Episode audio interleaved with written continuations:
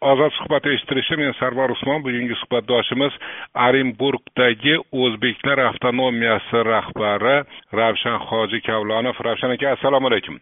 Va alaykum assalom. Siz bilan roppa rosa o'n uch kun oldin gaplashgan edik e, o'ninchi iyul kuni o'sha paytda orenburg viloyatida to'planib qolgan o'zbekistonlik mehnat muhojirlarini ahvoli yumshoqroq aytadigan bo'lsak yengil emas edi. Undan beri poyezd uyushtirildi o'n oltinchi iyulda to'g'rimi? Albatta. O'shanda o'shanda katta qismi ketdi. Men bugun gaplashdim o'sha yerdagilar bilan. Yana qolgan ekan. Bir besh yuz chog'li atrofida mehnat migranti hanuz turibdi. Ularni bugungi ahvoli qanday? Avvalo assalomu alaykum barchaga. O'n oltinchi kuni vatanga poyezd uyushtirildi. Orenburg viloyatidan bitta samara viloyatidan ikkita jami uchta poyezdda yetti yuz ikkitadan ikki ming bir yuz olti nafar o'zbekiston fuqarolari o'zbekistonga chiqib ketishdi. Bizda orenburg viloyatida shunda birinchi kelgan qismdan ellik to'qqiz kishi qolganlardan bo'lib jami ikki yuzdan ziyodroq inson qoluvdi.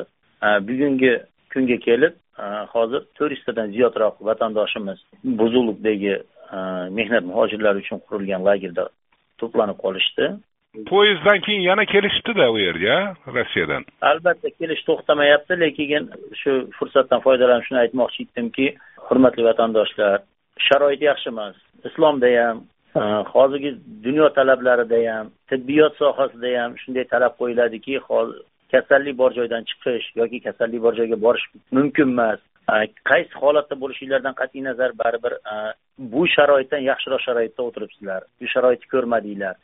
Shofyorlarni olib borib qo'yaman aniq jo'natib qo'yaman degan yolg'on gaplarga uchmasdan sabr qilib o'tirganinglar maqsadga muvofiq bo'lardi chunki kecha viloyatdagi holatdan kelib chiqqan holda orenburg viloyat mutasaddilari bilan uchrashganimizda ular ham norozigarchiliklarni xalq norozigarchiliklarini bildirayotganini bizga aytib o'tishdi shuning uchun bugundan boshlab kechadan boshlab даже orenburg viloyatiga mehnat muhojirlarini kirgizish to'xtatildi har taraflama mehnat muhojirlarini rossiyani boshqa viloyatidan kiritishmi yoki qozog'iston tomonidan kiritishmi qozog'iston tomonidan kiritish o'n oltinchi martdan to'xtatilgan hozir boshqa viloyatlar orasida ruslarni tili bilan aytganda kordon qo'yilgan hozir mehnat muhojirlari boshqa viloyatlardan kelishini umuman cheklash haqida qaror qabul qilindi.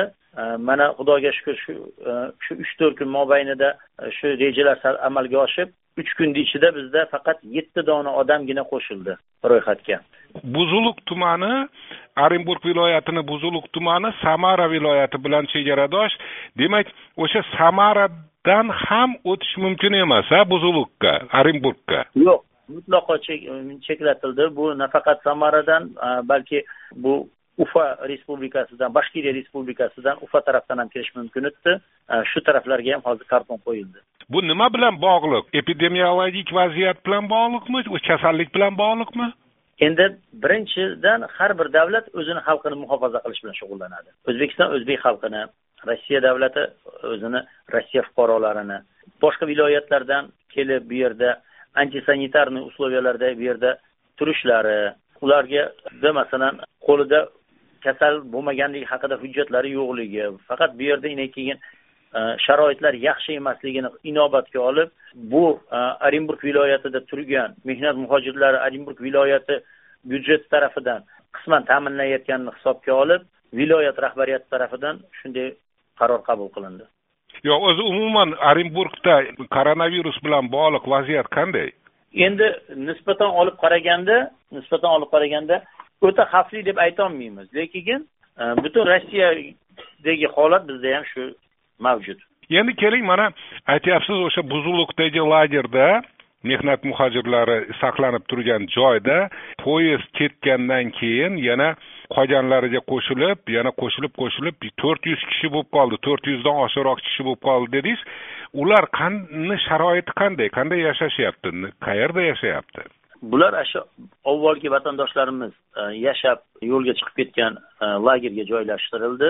Ularda oddiy holat suv svet bilan ta'minlanyapti. Oddiy til bilan aytganda ehtiyojlar vaqtinchalik imkon darajasida yaratilgan. Oziq ovqat masalasiga kelsak hozir har kim e, o'z hisobidan yashaydi. И vatandoshlarimizni qilayotgan yordami hisobidan yashab o'tkazilyapti. Xayr ehsonlar xayr ehsonni kim qilyapti? Xayr ehson kimdan kelyapti? Xayr ehsonni qilgisi kelgan odam hammasi qilaveradi. Moskvada mana yaqin kunlarda moskvadan bloger bolalar beshta mashinada oziq ovqat olib kelib berishdi. Samaraga orenburgga shunaqa. Orenburg viloyatini o'zidagi mehnat muhojirlari vatandoshlarimiz mahalliy xalq hammasi imkon darajasida qilishyapti kimni qalbida ko'nglida shu narsa bo'lsa shuni qilyapti. O'zbekiston hukumatidan yoki orenburg viloyati hukumatidan qandaydir yordam yo'qmi? Afsuski o'zbekiston e, davlat tarafidan bu narsa haqida men bir ma'lumotga ega emasman chunki bu bilan elchixona shug'ullanadi. Biz elchixonaga bog'liq organizatsiya emasmiz.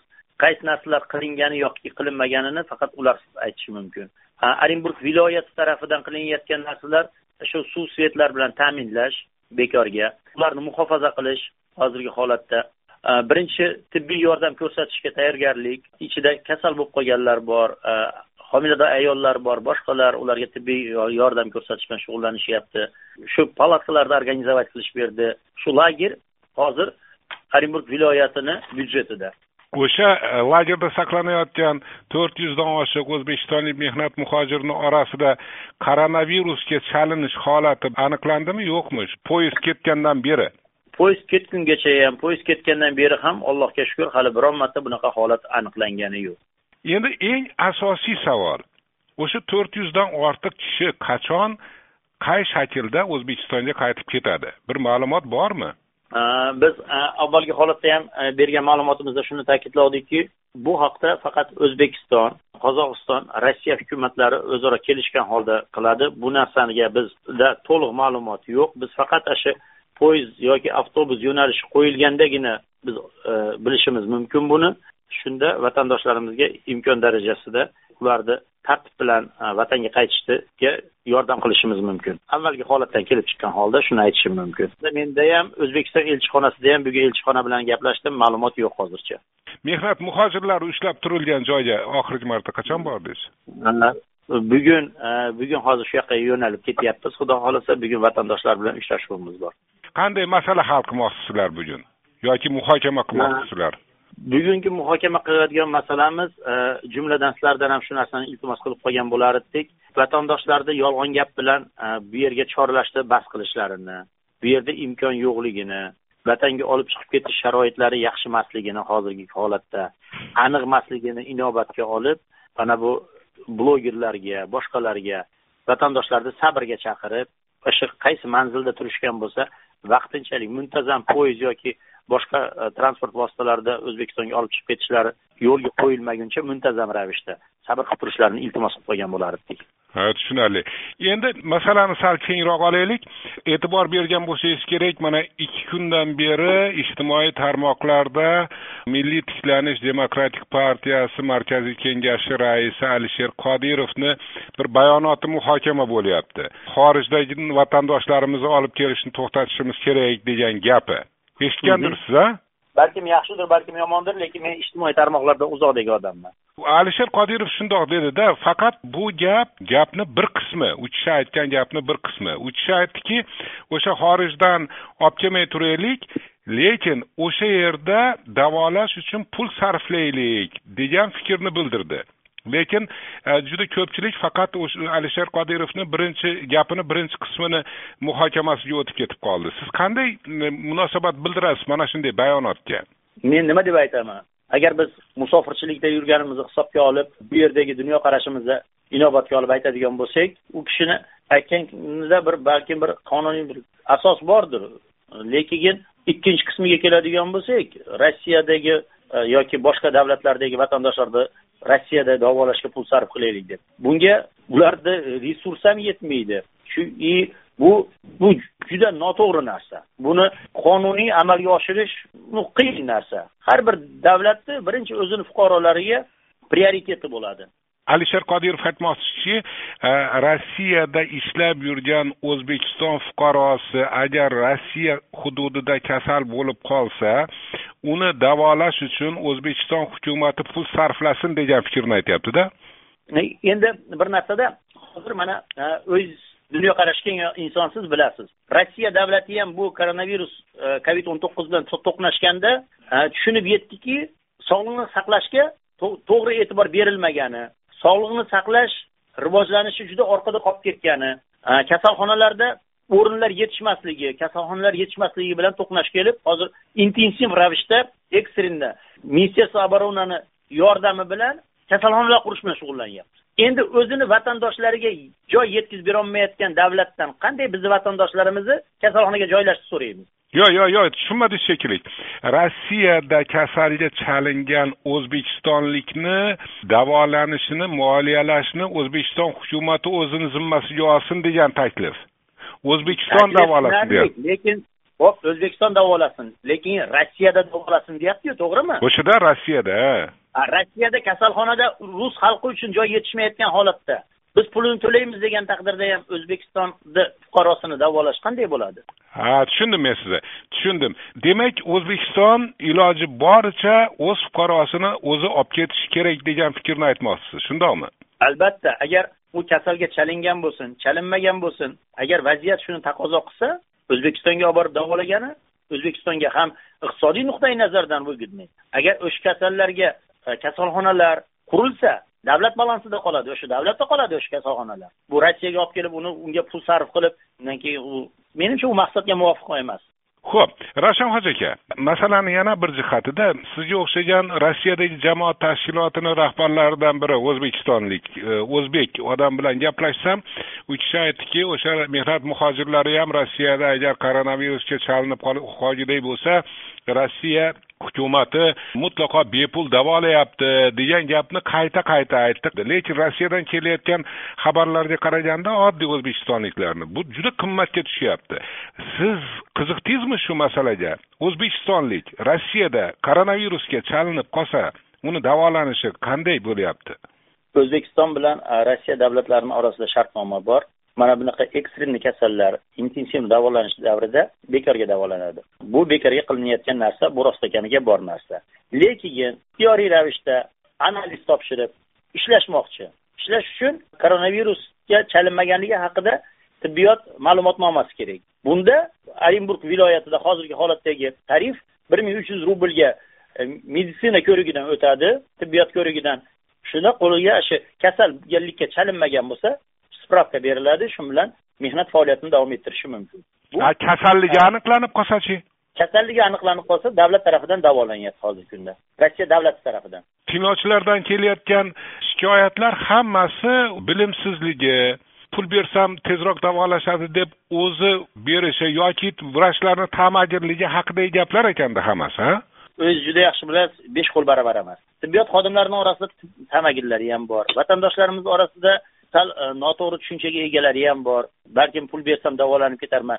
Hozirgi kunda covid o'n to'qqiz virusini davosi hali topilgani yo'q. Rossiyada birinchi vaksinatsiya ishga solindi lekin u ham hali majburiy emas. U ham e, haligi испытательный срокdan o'tayotgan holatda. Shuning uchun buni kim davolaydi? Hozirgi eski usullarda davolanish hali yuz foizlik e, natijaga ega emas. Shuning uchun vatandoshlarimizga endi haqsiz yoki nohaqsiz deb aytish menimcha men tarafdan bu ham gap noto'g'ri bo'lib qolsa kerak. Mehnat muhojirlarini e, orenburg viloyatida chegarada qiynalayotganini mana kuzatib kelyapsiz ularga yordam berishga harakat qilib kelyapsiz. Yana bir marta bir sizga imkoniyat ularga aytadigan gapingiz. Men vatandoshlarimga iltimos qilib qo'ygan bo'lar edim chegara hududlariga kelib o'zlarini oilasini boshqalarni mana bunaqa antisanitarniy условияларда o'zlarini xavfga solishlariga hojat yo'q. Qaysi holatda bo'lsa ham e, o'zlari turgan viloyatda o'zlari turgan hududda imkon darajasida sabr qilib turganini tavsiya qilgan bo'lar edim chunki bu yerda shart sharoitlar juda yaxshi emas. Og'ir holatda biz e, orenburg cho'l zonasiga kiramiz dasht zonasiga kiramiz. Shuning uchun bizda qirq darajadan oshiq issiq bo'lyapti. E, vatandoshlarimiz hozircha sabr qilib muntazam poyezdlar qo'yilguncha sabr qilib turganlarini tavsiya qilardik. Shofyorlarni olib borib qo'yaman aniq jo'natib yuboraman degan yolg'on yashiq gapiga uchishmasin. Rahmat katta. Ozod suhbat eshittirishdi edi. Men sarvar usmon. Bugun orenburgdagi o'zbeklar avtonomiyasi jamoat tashkiloti rahbari ravshan hoji kavlonov bilan gaplashdik. Rahmat ravshan aka. Assalomu alaykum yaxshi. Salomat bo'ling